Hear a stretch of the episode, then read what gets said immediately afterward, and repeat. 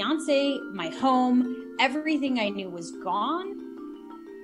And so I looked around at the place where I worked, I was making six figures, and I didn't care about it. I had no purpose, and I'm like, you know what? I'm taking a backpack and I'm traveling the world because what the hell am I doing here in Cleveland, Ohio? Somatic therapist and awakening coach Zahara Jade has been through it all. And I mean it all. Before an eat, pray, love moment and near death experience in her 20s, she had a rare autoimmune disease and an abusive childhood. It is so clear that helping the rest of us heal from trauma is Zahara's calling. And we, you, me, have all experienced some form of trauma. According to Zahara, it's likely presenting itself now as we process the collective trauma that is 2020. We're going to start peeling back those layers in this episode. I'm Elizabeth Kendig, and this is Healers.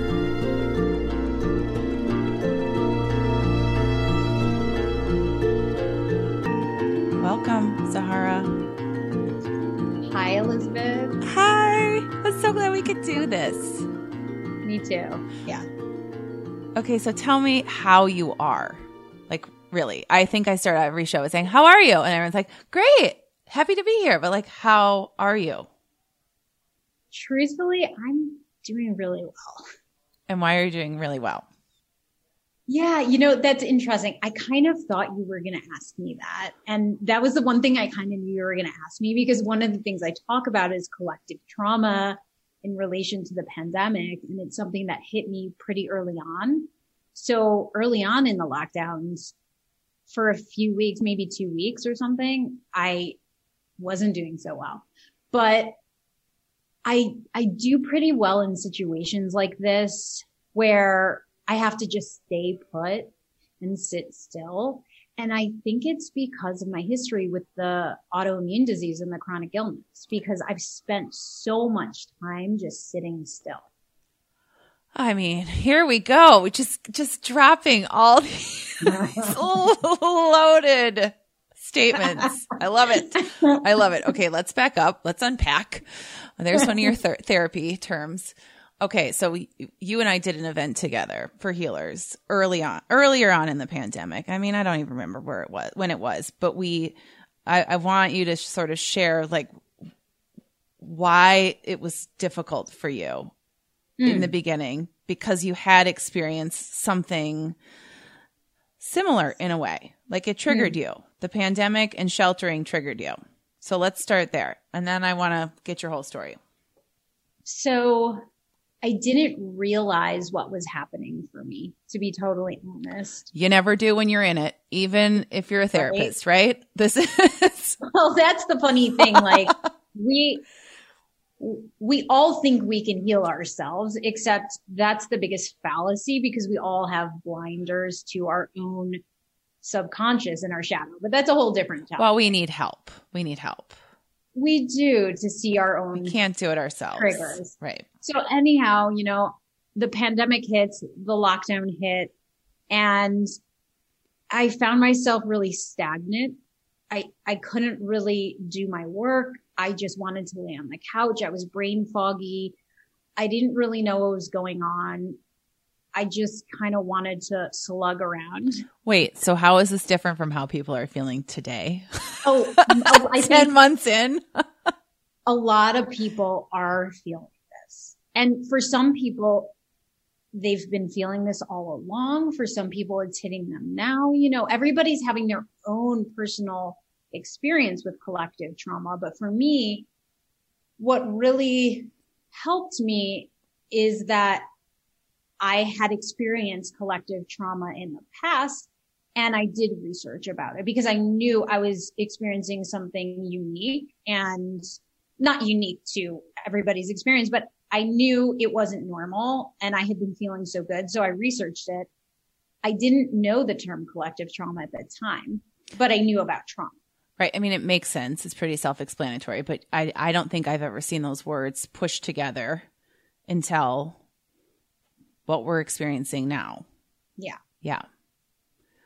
yeah. Okay. So a couple weeks in, you sort of like you notice the signs. And I compare this to noticing, observing when I start slipping into a depressive state because I spent so much of my life working on that. So now it's like there's almost like a mental checklist, but sometimes you don't know what's happening right away. Well, I had self awareness around the fact that I wasn't feeling like my normal self. Right. And I knew it had to do with the pandemic. So I just start researching and I'm like, oh, yes, of course other people are experiencing this. And oh, there's a term for it. Oh, well, if I'm suffering, other people must be suffering too. I can use my position to help other people with this. And you had experienced mm-hmm. this from wildfires yeah. near your home. Yeah. So I realized several years prior when I lived through the, the Thomas fire in Santa Barbara that I had gone through this actually much more severely. I had PTSD. I had severe anxiety. I was being triggered. I, I had anger. I had all sorts of things. Later, months later, I was having like severe panic attacks. Did you have and to evacuate from those fires? No, but that was like we were in a place where we didn't have to evacuate, but I had a go bag and every single night I was terrified. I'm sure they they are terrifying. the fire, and you know, then we had the mudslide, so a lot of people died, and it was pretty scary. Yeah, and my husband wasn't there at the time. I was alone with my dog, and so I was totally alone because my friends had evacuated. And then we, when later, when we were like looking at homes up in wooded areas, I was having anxiety attacks. Nobody understood what was happening for me. And I didn't either until this experience with the pandemic. I put it all together. So, so here we are.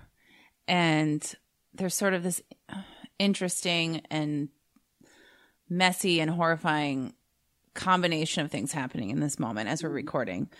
We've mm-hmm. we've gotten used to our I hate the phrase new normal. I like, I just refuse to use it. It just, I don't know why it rubs me the wrong way. But we've been doing this a while, right? So some of us have established new routines. We are learning to live differently. Um, and at the same time, cases are now going up. I won't even, I don't even think we need to get into the election because that is a moving target. I mean, and, um, I don't want to drag you into a political conversation, but we're back to being in total in chaos in a way. Like the uncertainty is is heightened again. And so um how are you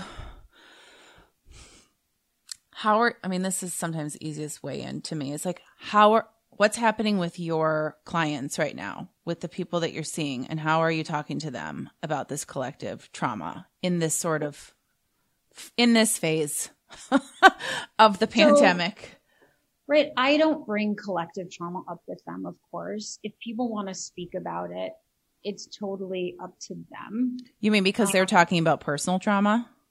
Yeah. And what happens with collective trauma is that personal trauma get the surfaces and individual trauma surfaces. Like I held a retreat the other night with women in on the other side of the planet in Malaysia, in Singapore, and they're experiencing a lockdown. And so the topic was collective trauma.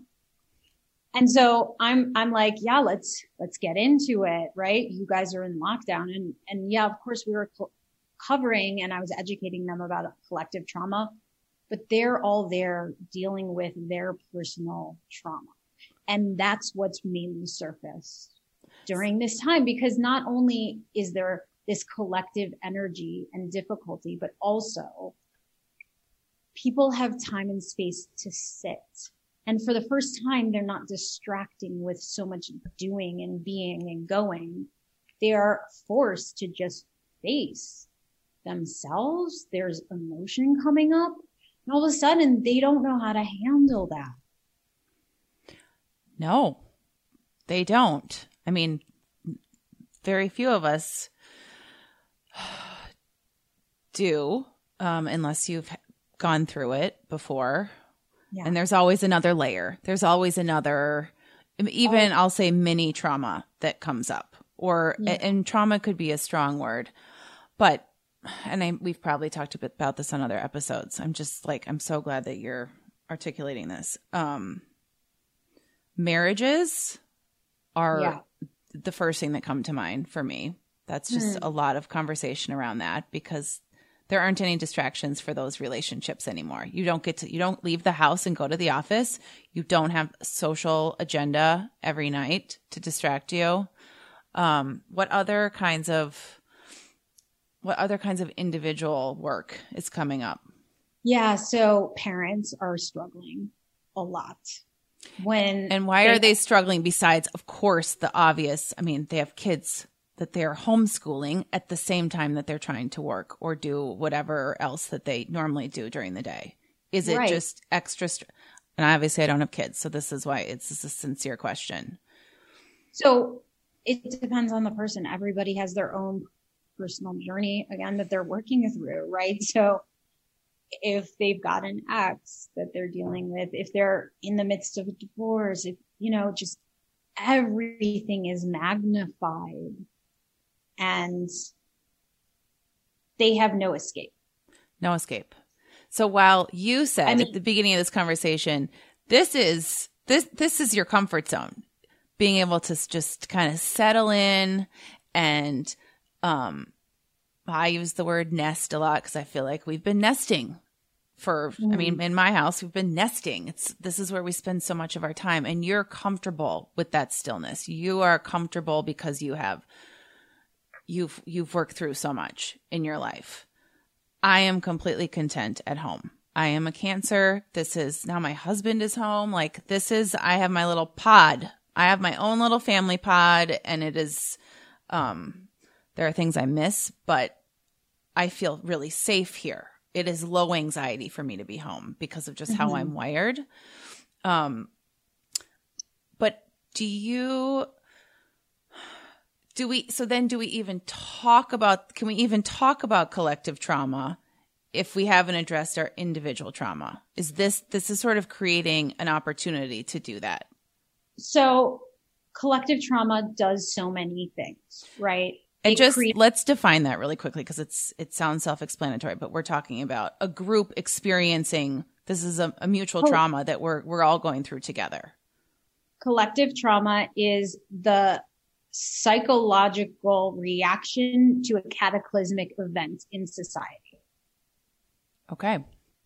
Yeah. So when all of society is experiencing an, an event on a, on a big scale that literally shatters the fabric of that society, not only just, you know, individually, but it changes governments. It changes the way we behave socially. And cataclysmic is an important word here because a lot of people who are okay, like you're okay, you have a roof over your head, you're paying your bills, and you're healthy. We first people to write off that there is anything cataclysmic happening to them. This mm-hmm. we're just now we're just we just getting through it. We're okay, nothing to complain about. I am, you know, I'm just grateful.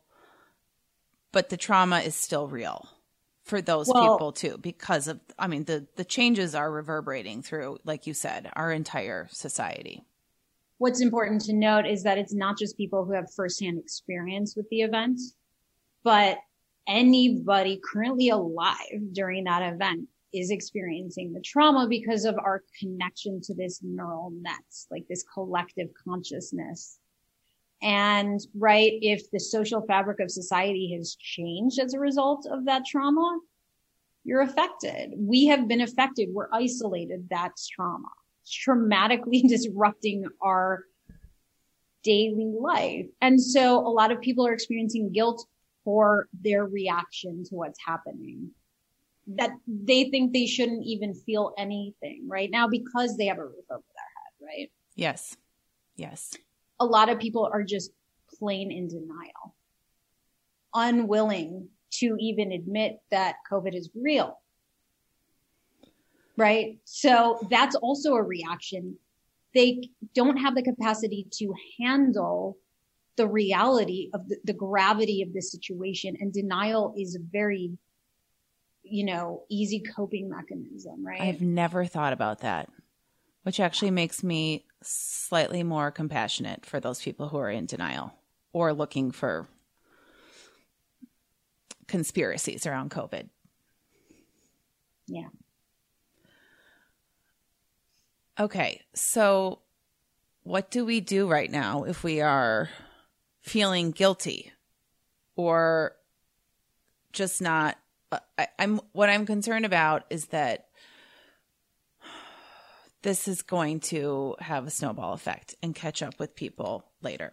So, is the first step to to look at what is right in front of you that that's being triggered on a personal level? I think both are important, right? And that's why I began like holding workshops, holding retreats, but I, because I think education around this is really important. If pe- like, especially whether it's individual or collective trauma, when people don't realize that they, what they are experiencing is trauma, they will write it off. So if they don't realize that the guilt they are feeling is acceptable, it's a normal reaction to the experience they just push their feelings deeper inside. So the first step is acceptance, awareness and then acceptance of what is happening, right?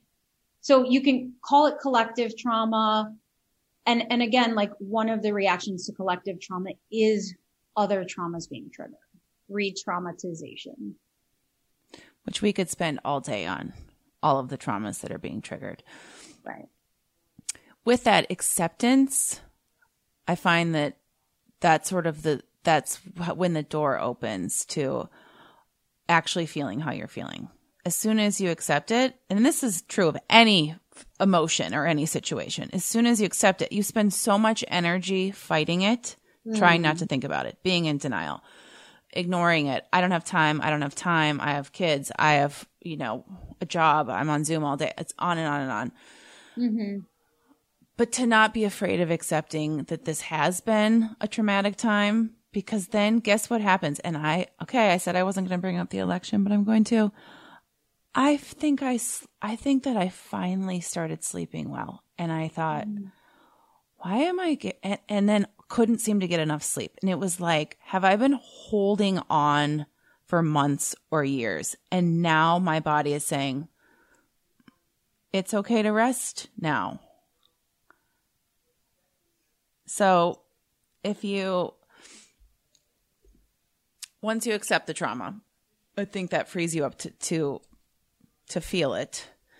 Um, and it's not always, it's not always as dramatic or doesn't need to lead to so much change as you think. Like when we did our workshop, it wasn't all about these grand sweeping things that you need to do as coping mechanisms, right? I mean, we just like sat and breathed for, right? Right.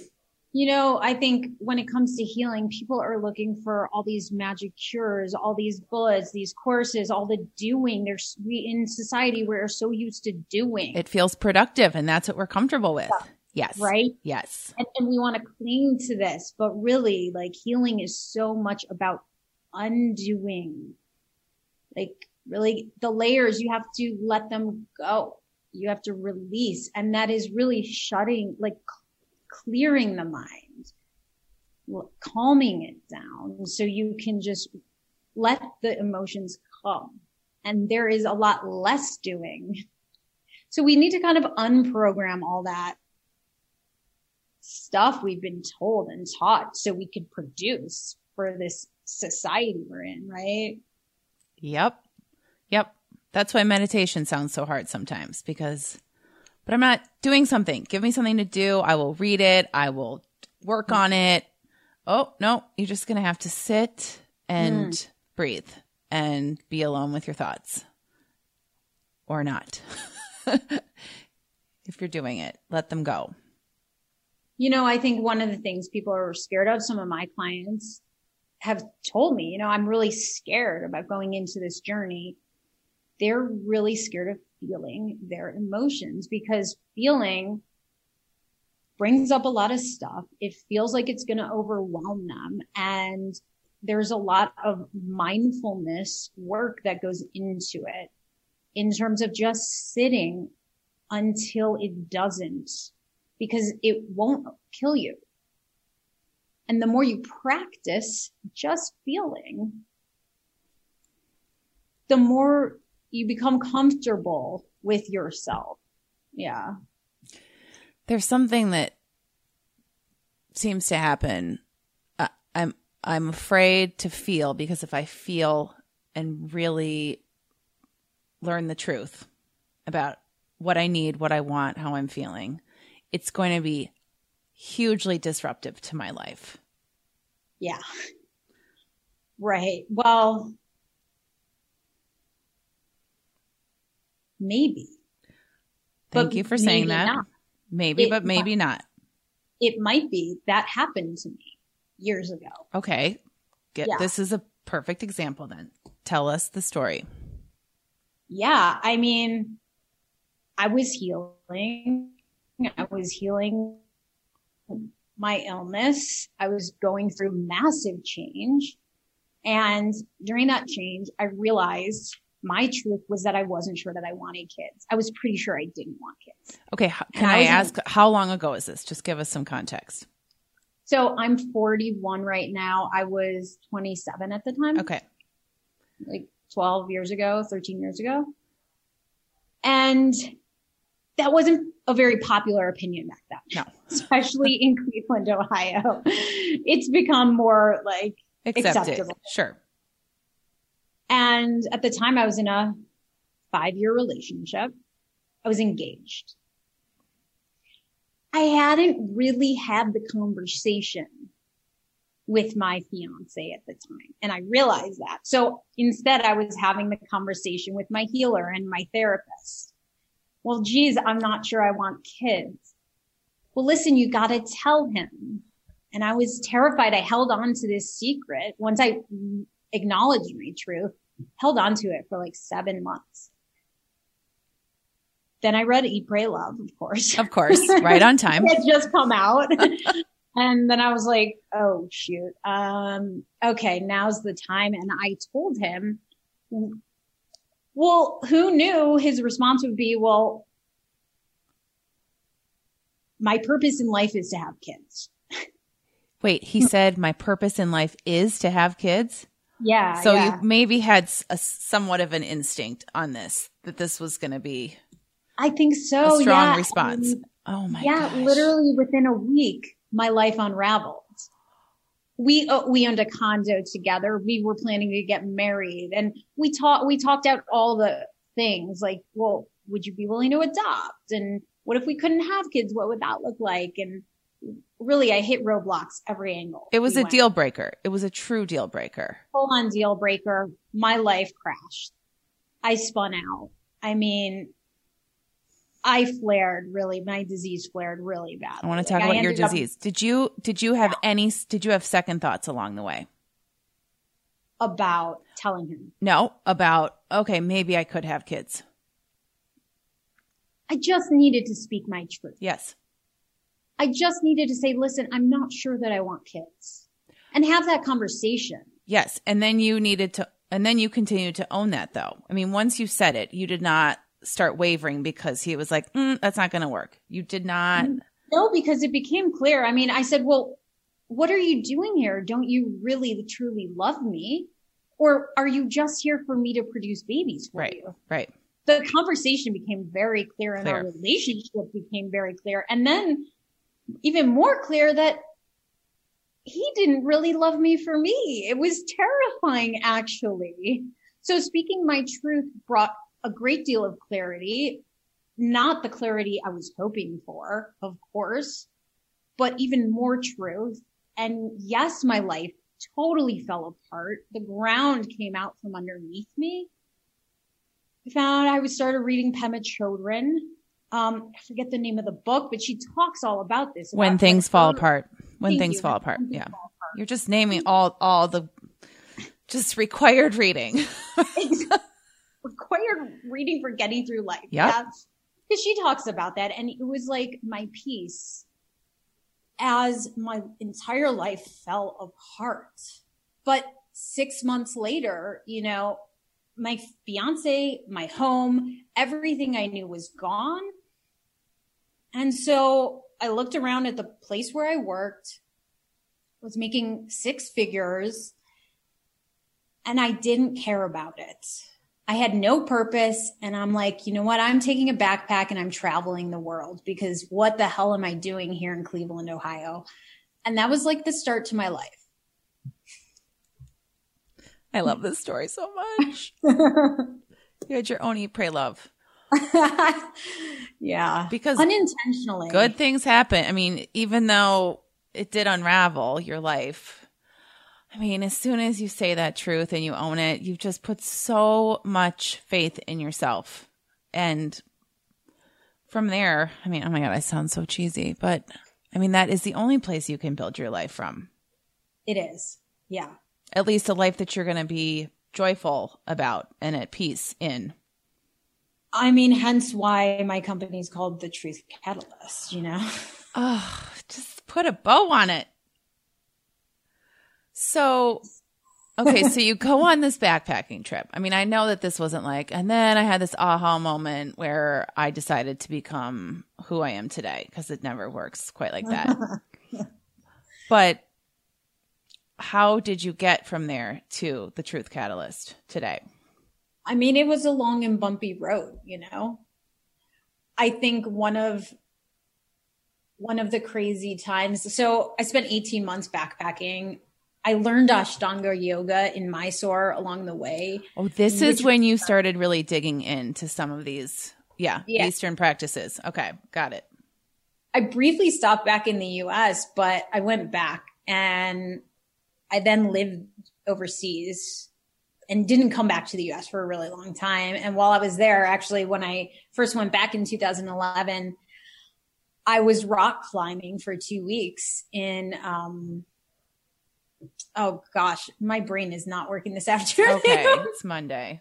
I was rock climbing in the south of Thailand and I took a really bad fall, like 20 or 30 feet, and I flipped upside down. I blacked out. I didn't know what had happened.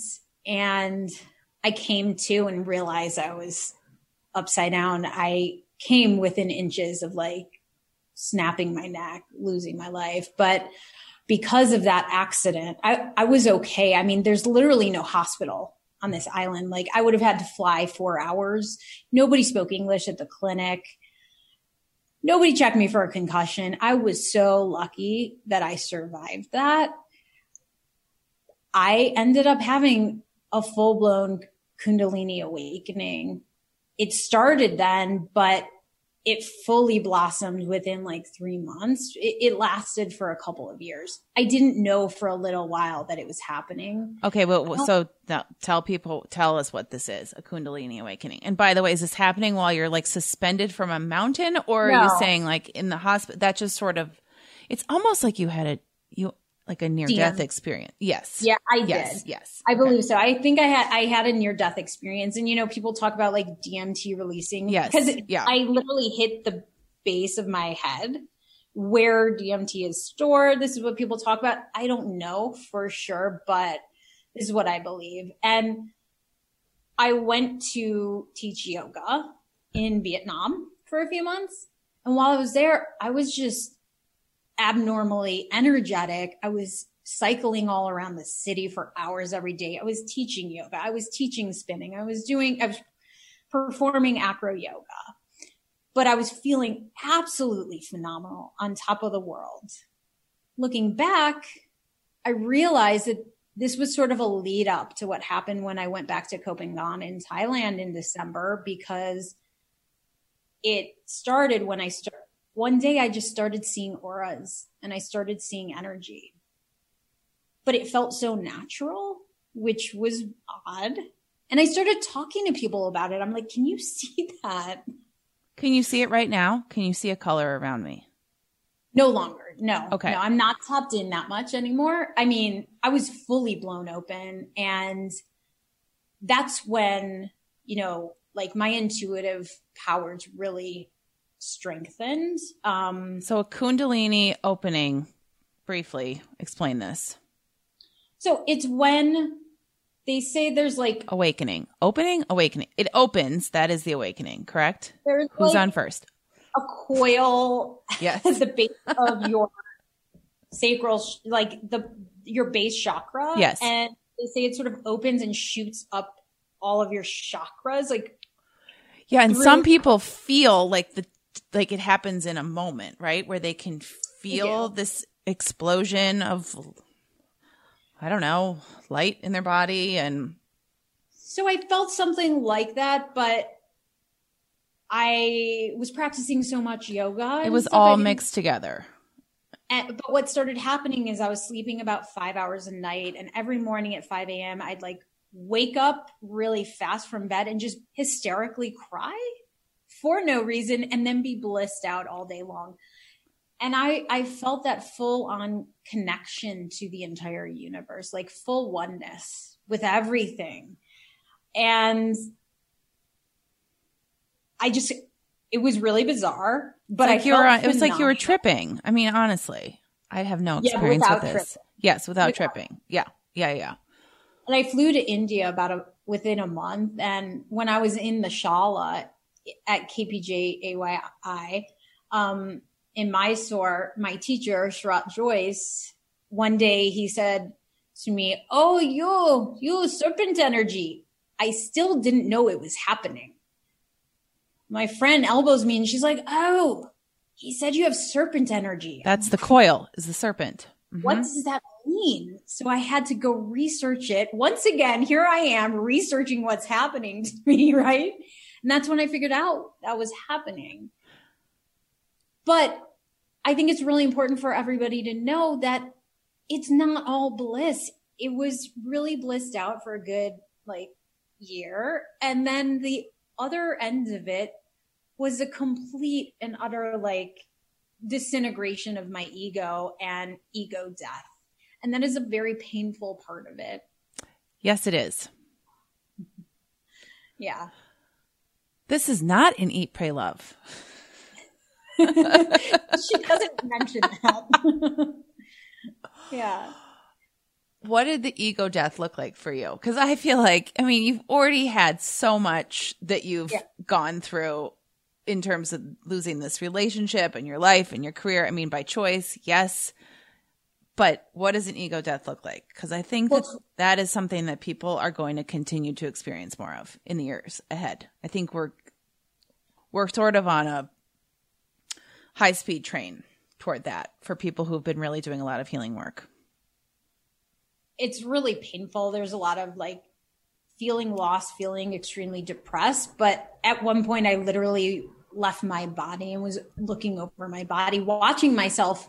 I had gone back to Vietnam and I was teaching yoga again. And I was looking over myself, watching myself do that and just saw and knew I wasn't living my purpose there. And then, and knew I had to, it was like my ego completely separated from my ego. And I knew I wasn't living my purpose and I just had to keep, like find that again. How did you find it?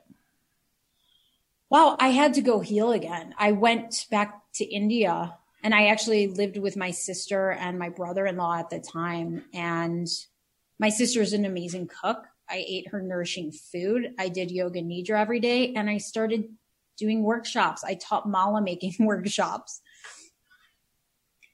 I, at a very young age when I was living like basically living in the hospital, I made jewelry to heal myself. And so it was a practice I incorporated back into my life later. And then I just started teaching people and I ended up starting like uh, an eco spiritual jewelry business for a while while I was living overseas. It's interesting how sometimes we go back to those really Hmm. like those I don't even want to say hobbies, but those sort of rituals or things we did when we were younger. When we're when we are healing because that puts us back in touch with our inner child and sort of what do you who are you? What do you even like anymore? People forget. Well, it's interesting when I, you know, you asked me what, how did I end up here?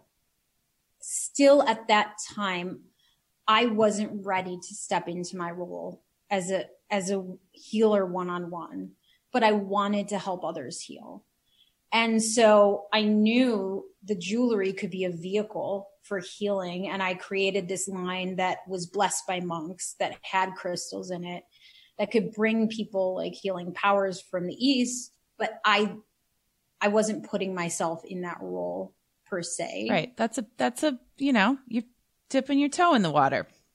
But, you know, I think it's important for people to know that you, you don't have to. I also had like fear issues and, you know, who doesn't? Right? Who doesn't? I know. I mean, practitioners are the best ones are the first to say, I am not perfect. I mean, what is like yeah. the cobbler's children has no shoes? I mean, this is, we're all still human. And it is much easier to work with others than on yourself. It always will be. You have that perspective. Yeah. So this is this is loaded, I know, but you have mentioned being sick a couple of times, and this happened in your childhood. Can you share? Excuse me. So, yeah, as long as I can remember, I was sick. I mean, the story that was told to me is that I had a seizure when I was about a year old. And that from then on i had really high fevers every month for about a week with other symptoms like arthritic symptoms and things like that. And nobody really knew what was wrong with me. So i was dragged to specialists across the country. When i was 10 they diagnosed me with crohn's disease. And that's when i spent about like eight months or something in the hospital being fed by it like with a tube and off all foods so that's like I went through medical trauma for the first 10 years of your life. Oh, like the first 25 years. Oh my gosh. Because I was attached to the chronically sick girl label. Well, it was I, your, why wouldn't it have been your identity? It was my identity. Yes. Um, it was only once I realized that I needed to heal outside of Western medicine that it hadn't helped me. like it took me 25 years to realize I was so, so sick. And not one thing that I did, not one treatment I was given through Western medicine helped me. And was and it knew- still Crohn's disease? Sorry to interrupt you this whole Thank time. Yeah, yeah, yeah. Cause I know, I mean, this is becoming no. more common. And so people listening, it no, it wasn't Crohn's. Okay. At the age of 20, I was diagnosed with a rare autoimmune condition of the vascular system called Behçet's, which causes even worse symptoms that I won't get into. Um, and so it, there's a version of it that goes into your neurological system, into your you know, ladies system. It's just, it's like a bit of a disaster. And I read people's stories. And at that age, I said, you know what? This isn't happening to me. No. I just decided then, like, this isn't going to be my story. And it hasn't been.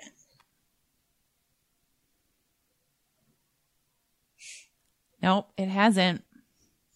And when I was really sick and working and overworking and eating the wrong things because nobody taught me, I found a healer at the age of 25 and I didn't know that trauma could lead to chronic illness. Nobody ever mentioned that either, you know, and I got to the root of childhood abuse and trauma and healed a lot of that. It was all connected. It's all connected, yeah. Well, I'm so sorry and also so in awe of you. Thanks, Elizabeth. I mean, you know, we just do what we can back, you know, when I was younger, I was just trying to get through one day at a time. And I never had dreams. I didn't envision my future. But you couldn't. I, like, that was a luxury.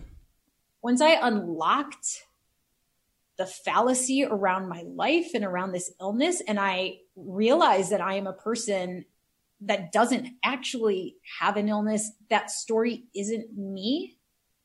Like, yeah, Behçet's, that's, that's like something that might be in my body, but I've literally re I, I've changed my epigenetic footprint and I don't get sick anymore.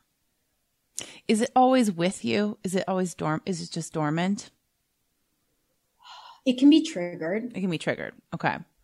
So what were some, I mean, this is, there's so much because I know you've been doing this for almost, you know, healing for almost 20 years now.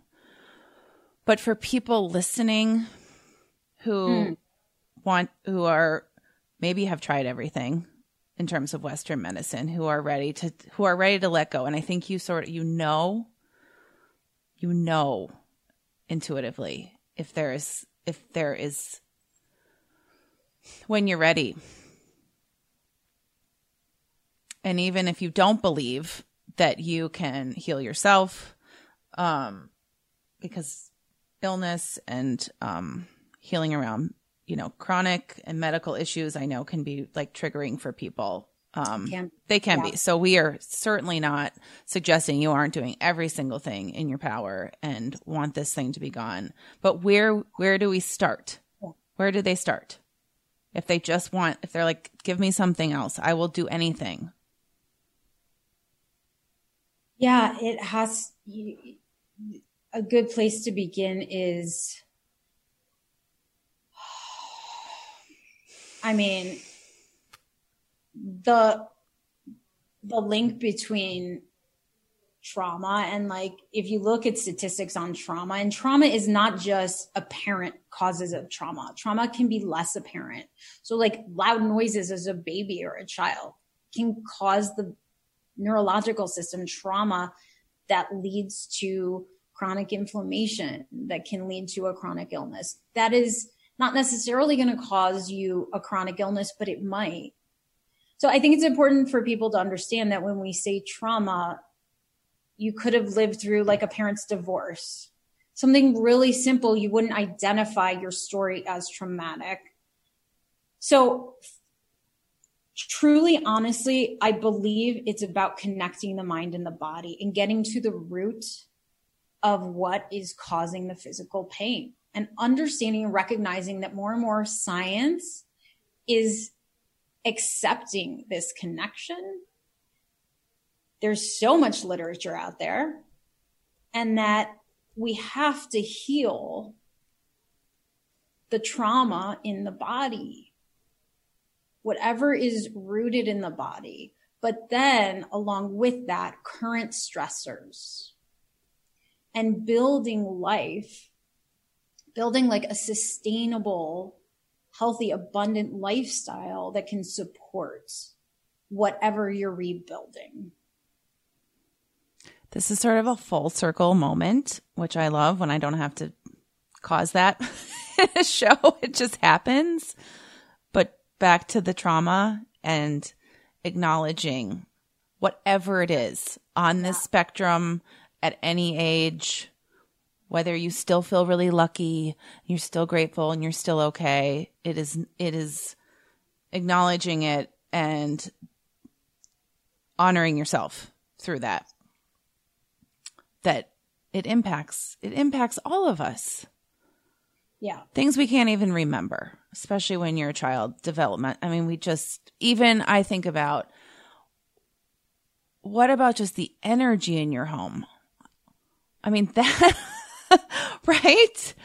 I mean, the energy in your home right now with a spouse or with children, like think about how that impacts you. Think about the energy of how like your boss might impact you. Now imagine being a child and all of the energy around you. So as an example. Um, what were you going to say? Exactly. Like trauma depends on the subjective perception of who's experiencing the event. And also, like, age is very important because, like, a parent who forgets to pick their kid up from school may not experience that as traumatic, but that child waiting there, that experience can, like, ruin their perception of like self confidence, self love, like for their entire life. That gets integrated into their self identity, right? So things that as adults we would never consider as traumatic. And we look back and kind of ridicule ourselves for even feeling certain things as children. We have to understand as our child self, we may have integrated that experience as trauma. Yeah, we tend we tend to internalize it as there is something wrong with me. I was I was flawed if there were, you know, girls bullying me in middle school. It was something, you know, I wasn't cool mm-hmm. enough. That's the that's the first place I think where it goes. So the other thing people can do is work with you.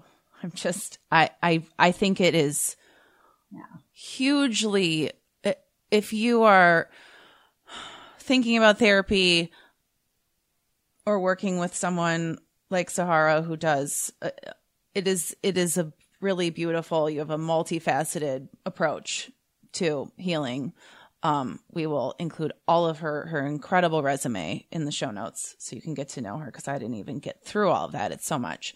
But working with someone who is trauma informed can make a really significant significant difference i think it's it's like when you are looking for a healer when you're looking for someone to cut your hair we're all looking for a piece of ourselves in the practitioners that I think we see. And so your experience with trauma, which has clearly informed the work that you do, I think is just incredible and it. And you are the first person I, one of the, one of the first people I think of for sure. And it's not because it's your identity. I think of this is, I get like, I get emotional thinking about it because like you are truly the person who's come out on the other side. And your presence is so grounding to me you're just like you're also like the image of health and glowing. Like you're so beautiful. So I just you can obviously find Zahara on our website and I'm gushing cuz I can. but I'm so, so I'm so grateful to know you and to be able to to share you and and believe truly that whoever needs you is going to find you. Elizabeth, thank you so much. Thank you for having me. I'm so grateful well, to share this energy with you. Anytime. More to come. Beautiful. Thank Namaste. You. Namaste.